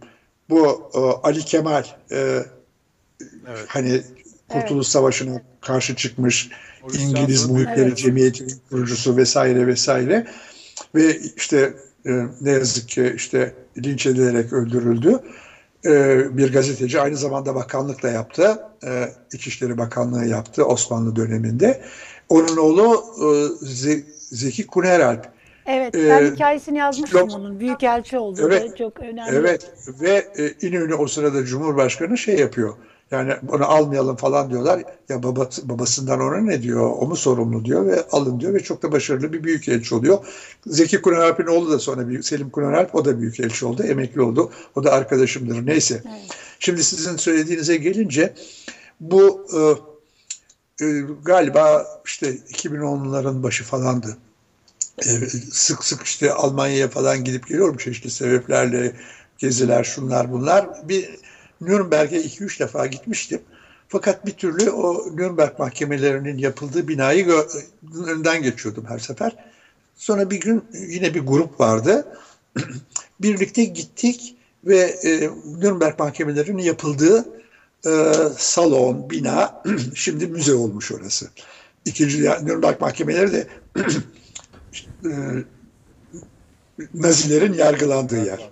Tekrar hatırlatmakta yarar var dinleyicilerimize. Orada müzeyi gezerken orada yargılananların listesi var. O listeye bakarken işte e, Nazi döneminde neydi, sonra mahkeme nasıl bir karar verdi, böyle bir karşılığı var hepsinin. O is- listelere bakarken birden bir isim dikkatimi çekti. Ernst von Weizsäcker diye bir isim. O isim daha önce hiç duymadığım bir isim ve karşısında şey yazıyor. Hitler'in dış, dışişleri müsteşarı yazıyor. Ee, sonra Hüsrev Gerede'nin anılarında da geçiyor. Geçenlerde İş Bankası yayınlarından çıktı. Ee, enteresan. Hitler döneminde Türkiye'nin e, Berlin Büyükelçisi Hüsrev Gerede anılarını yazmış. Enteresan bir e, kitap. Orada da sık sık geçiyor Ernst von Weizsäcker. Ama ben o saatte bilmiyorum, o tarihte bilmiyorum bunu. Ee, çok ilgimi çekti çünkü e, şey e, Richard von Weizsäcker'in ismini biliyorum. E, Baktım orada onu savunan yani Ernst von Weizsäcker'i savunan oğlu Richard von Weizsäcker. Ya isim benzerliği mi diye baktım. Değil. Richard von Weizsäcker daha so- 1940'larda 45'ten sonra 46'da ba- Nazi olan babasını Nürnberg mahkemesinde savunan genç bir avukat iken aradan 40 yıl geçiyor Almanya Cumhurbaşkanı seçiliyor. Bu muhteşem demokratik bir olay. Yani bir toplumdaki demokrasi e, inancını, felsefesini, uygulamasını gösteren müthiş bir olay. Ve Richard von Weizsäcker Cumhurbaşkanı seçildiği zaman bir konuşma yapıyor. İlk konuşmasında ne diyor? Biz Nazi dönemiyle, faşizmle yüzleşmeliyiz. Şimdi babası Nazi, Hitler'in en yakını, Hitler bütün iktidar boyunca onu dışişleri müsteşarı olarak tutmuş. Ribbentrop o sırada Dışişleri Bakanı. Bu, oğlu avukat onu savunuyor. 40 yıl sonra Cumhurbaşkanı oluyor ve Cumhurbaşkanı olarak dönüp Alman halkına diyor ki biz faşizmle yüzleşmeliyiz. Bu, bu olağanüstü bir uygarlık. Olağanüstü bir demokratik e, felsefe. Yani Maalesef bizde de amirallerin eşlerinin, çocuklarının ve kardeşlerinin CHP'li olduğu gazetelerde haber oldu. Yani ne yazık ki. Ve işte Evet. biraz önce sözünü ettiğiniz o gazetelerden birinin internet sitesinde o ne dedi zaten Tayyip Erdoğan? E, Şimdi medyada göreceksiniz dedi. 15 dakika sonra gördük. yani bu- Öyle oluyor. Daha İktidar yani haber, Kavala'nın- kilidi. Osman Kavala'nın eşiyle ilgili olarak da söyledi ya e, Boğaziçi'ndeki eylem sırasında işte bunun eşi de orada eylemlerdedir bilmem nerededir falan filan diye onu da yani insanları, eşleri, çocukları, yakınları üzerinden suçlamak hem insanlar suçlanıyor hem de eşler, çocuklar ve e, yakın, yakınları suçlanıyor. İşte Ama Yalçın Bey bazen tam tersi de olabiliyor. Yıldıray sana da söylemek istedim. E, Yani her zaman e, Cumhurbaşkanı söylüyor işte hani mesela ol deyince olmuyor. Bazen mesela şeyde de Deniz Yücel e, işte Rahip Brunson olayında da şey söylemişti hatırlarsan. Yani bu can bu bedende olduğu müddetçe onlar cezaevinden çıkamayacaklar demişti. Dedi. Yani ama tam tersi oldu sonra başka bir şey oldu. Cumhurbaşkanı dinlemediler diyorsun. Yok bazen tam tersi yani orada aslında e, Orada da artık nasıl tam tersi oldu? yani bazen Takım öyle bazen şaşırtmayı Görüşmeler oldu herhalde. Trump Trump telefon etti bitti iş canım ne olacak? Evet. Yani. Yalçın Bey çok teşekkür Çok teşekkürler, ediyoruz. çok Çok, sağ keyifliydi. Ben- Ben kitabı göstermek Evet, kitap istiyorum. Çok Burada güzel. Yani çok güzel 40-50 yılın Türkiye hikayesi aslında. Türkiye kitap. hikayesi. Burada mesela şey var. Bu da benim çok hoşuma gitmişti. Şimdi böyle gördüm. Bu Vagon Litz olayı. Yani şimdi bu Müthiş. kamu özel işbirliği projelerini tartışıyoruz ya. Kanal İstanbul'u tartışıyoruz. Deniliyor ki işte Evet. biz değil, bizim çocuklarımız, sonra torunlarımız, torunlarımızın torunları ödeyecekler. O kadar güzel anlatıyor ki bu Vagon olayı. Yani o 1880'deki Osmanlı'nın Osmanlı döneminde işte alınan bir karar devlet demir yolları ile alakalı ta 1986'da bitmiş. Evet 100 yıl sonra bitmiş 100 yıl Ve- sonra bitmiş. ve bir bürokrat ki Tevfik Altınok o Evet. ki e, benim tanıdığım e, yani ayaklı mevzuat derler ona. Onun adı odur. Şey mali mevzuatı Türkiye'de en iyi bilenlerden biridir. Bir bürokrat hazine İnisiyatif kullanabilmiş. Beğenmediğiniz parlamenter kullanıyor. Devamı sistemde. var. Elif Hanım devamı var. İnisiyatif kullanıyor ve diyor ki bu Türkiye'nin çıkarlarına aykırı böyle bir şey olmaz diyor. Başbakan'a götürüyor. Sen haklısın diyor ve iptal ediliyor. Yani Evet. çift taraflı. Hem Evet. bir bürokrat bunu hazırlıyor, buna inanıyor, bunu savunuyor. İktidar sahibi de sen doğru haklısın diyor ve bürokratın getirdiği öneriyi yerinde mantıklı Türkiye'nin çıkarlarına uygun buluyor ve o anlaşmayı 100 yıllık anlaşmayı iptal ediyor. Evet. Şimdi ne oluyor? Bugün ne oluyor? Değil mi? Bugün Evet. ne oluyor? Evet. Çok teşekkür Neyse. ediyoruz. Çok. Yalçın Bey. Ben teşekkür. Ee, ben bu kitabı Keyifli göstermek istiyorum. Evet, e, çok güzel, gerçekten çok güzel bir kitap.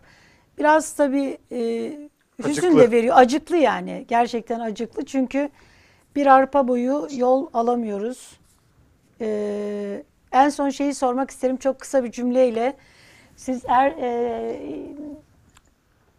şeyin e, Erdal İnönü ol yok bir dakika yine ben böyle isim karıştırabilirim. Elif'in daha çok Ay, notları bir var. dakika, Birkaç saatlik evet. daha konuşacak ha, tabii, notu tabii, var. Tabii. Erdal İnönü diyor ki ne olursa olsun sonunda demokrasiye ulaşacağımıza inanıyorum demiş. E, siz umutlu musunuz Yalçın Bey? Yüzde bin. Yüzde bin. Yani zaten umudumuz olmazsa e, biz yaşamayalım. Ölelim yani. Evet. E, İnşallah. Elbette. Elbette umutluyum. Yani bakın Siz çünkü Ee, bunu yazarken demişsiniz ki keşke İnönü a, haklı çıksaydı demişsiniz o yüzden sormak istedim. şimdi yani e, kesinlikle yani işte kesintiye uğradı demokrasi. Evet. E, aslar üzerinden. Bugün de sivil otorite üzerinden demokrasi kesintiye uğramış vaziyette. Ama mutlaka ve mutlaka yine demokratik yollarla biz tekrar yani seçimle biz tek demokratik evet tekrar böyle parlamenter sisteme döneceğimize yüzde bin inanıyorum. Zaten e, bu dönüşün de belirtileri başladı. Artık eh, tamam buraya kadar demeye başladı millet. E, yani yetti. Şimdi bakın e, yani uzatmayacağım. Yine çevreden hareket edeceğim. Türkiye'nin her yerinde ama Türkiye'nin her yerinde e, ben benim bir adetim var. Ben meclis tutanaklarını okurum. Bütün yani bu işte bugün mesela meclis yine toplanacak. Ben akşama ya da yarın sabah bugünkü oturumu olduğu gibi okurum. Yani her gün meclis tutanaklarını okuyorum. O tutanaklarda aynı zamanda belli kanallarda ve belli gazetelerde e, Türkiye'nin çeşitli yerlerinde e, meydana gelen e, çevre katliamına ilişkin haberler var. Türkiye'nin çeşitli yerlerinden gelen milletvekilleri mecliste bunları tek tek anlatıyor. Ama ama Kars'ta, ama Edirne'de, ama Antalya'da, ama Rize'de neredeyse herhangi bir yerde anlatıyor. Ve oralarda çevreye karşı insanlar, köylüler, kadınlar, çocuklar tarlalarını, ekmeklerini, sularını korumak için canla başla kendilerini ortaya atıyorlar. Bu insanlar, bu insanların yani bu enflasyon, adalet, adalet işliyor, işlemiyor, yargı şöyle böyle siyasi olarak şu karar alınıyor, bu karar alınıyor, pandemiyle mücadelede başarısız vesaire falan. Bu insanlar birebir kendi canlarına dokunan acıları yaşıyorlar. Ve, ve yani tarlasında yaşıyor. Geliyorlar çünkü tarlasının ortasına maden ocağı. O oradaki ağaçları kesmek üzere vesaire. Bu o kadar önemli ki. Bu Türkiye'nin her yerinde o kadar çok var ki ve her yerde o kendi çevresini korumak için 8-10 kişi, 20 kişi, 30 kişi platform kuruyor ya da kurmuyor. Ama en azından bulunduğu çevreyi korumak, kendi ekmeğini, suyunu korumak üzere kendini ortaya atıyor. Siz de Bunlar Datça'da tabii- bunlar e, karga Efendim? içinde yarın eylem var. Ben şimdi gördüm. işte e, yani Şehir bunlar merkezinde bir eylem yapılacak.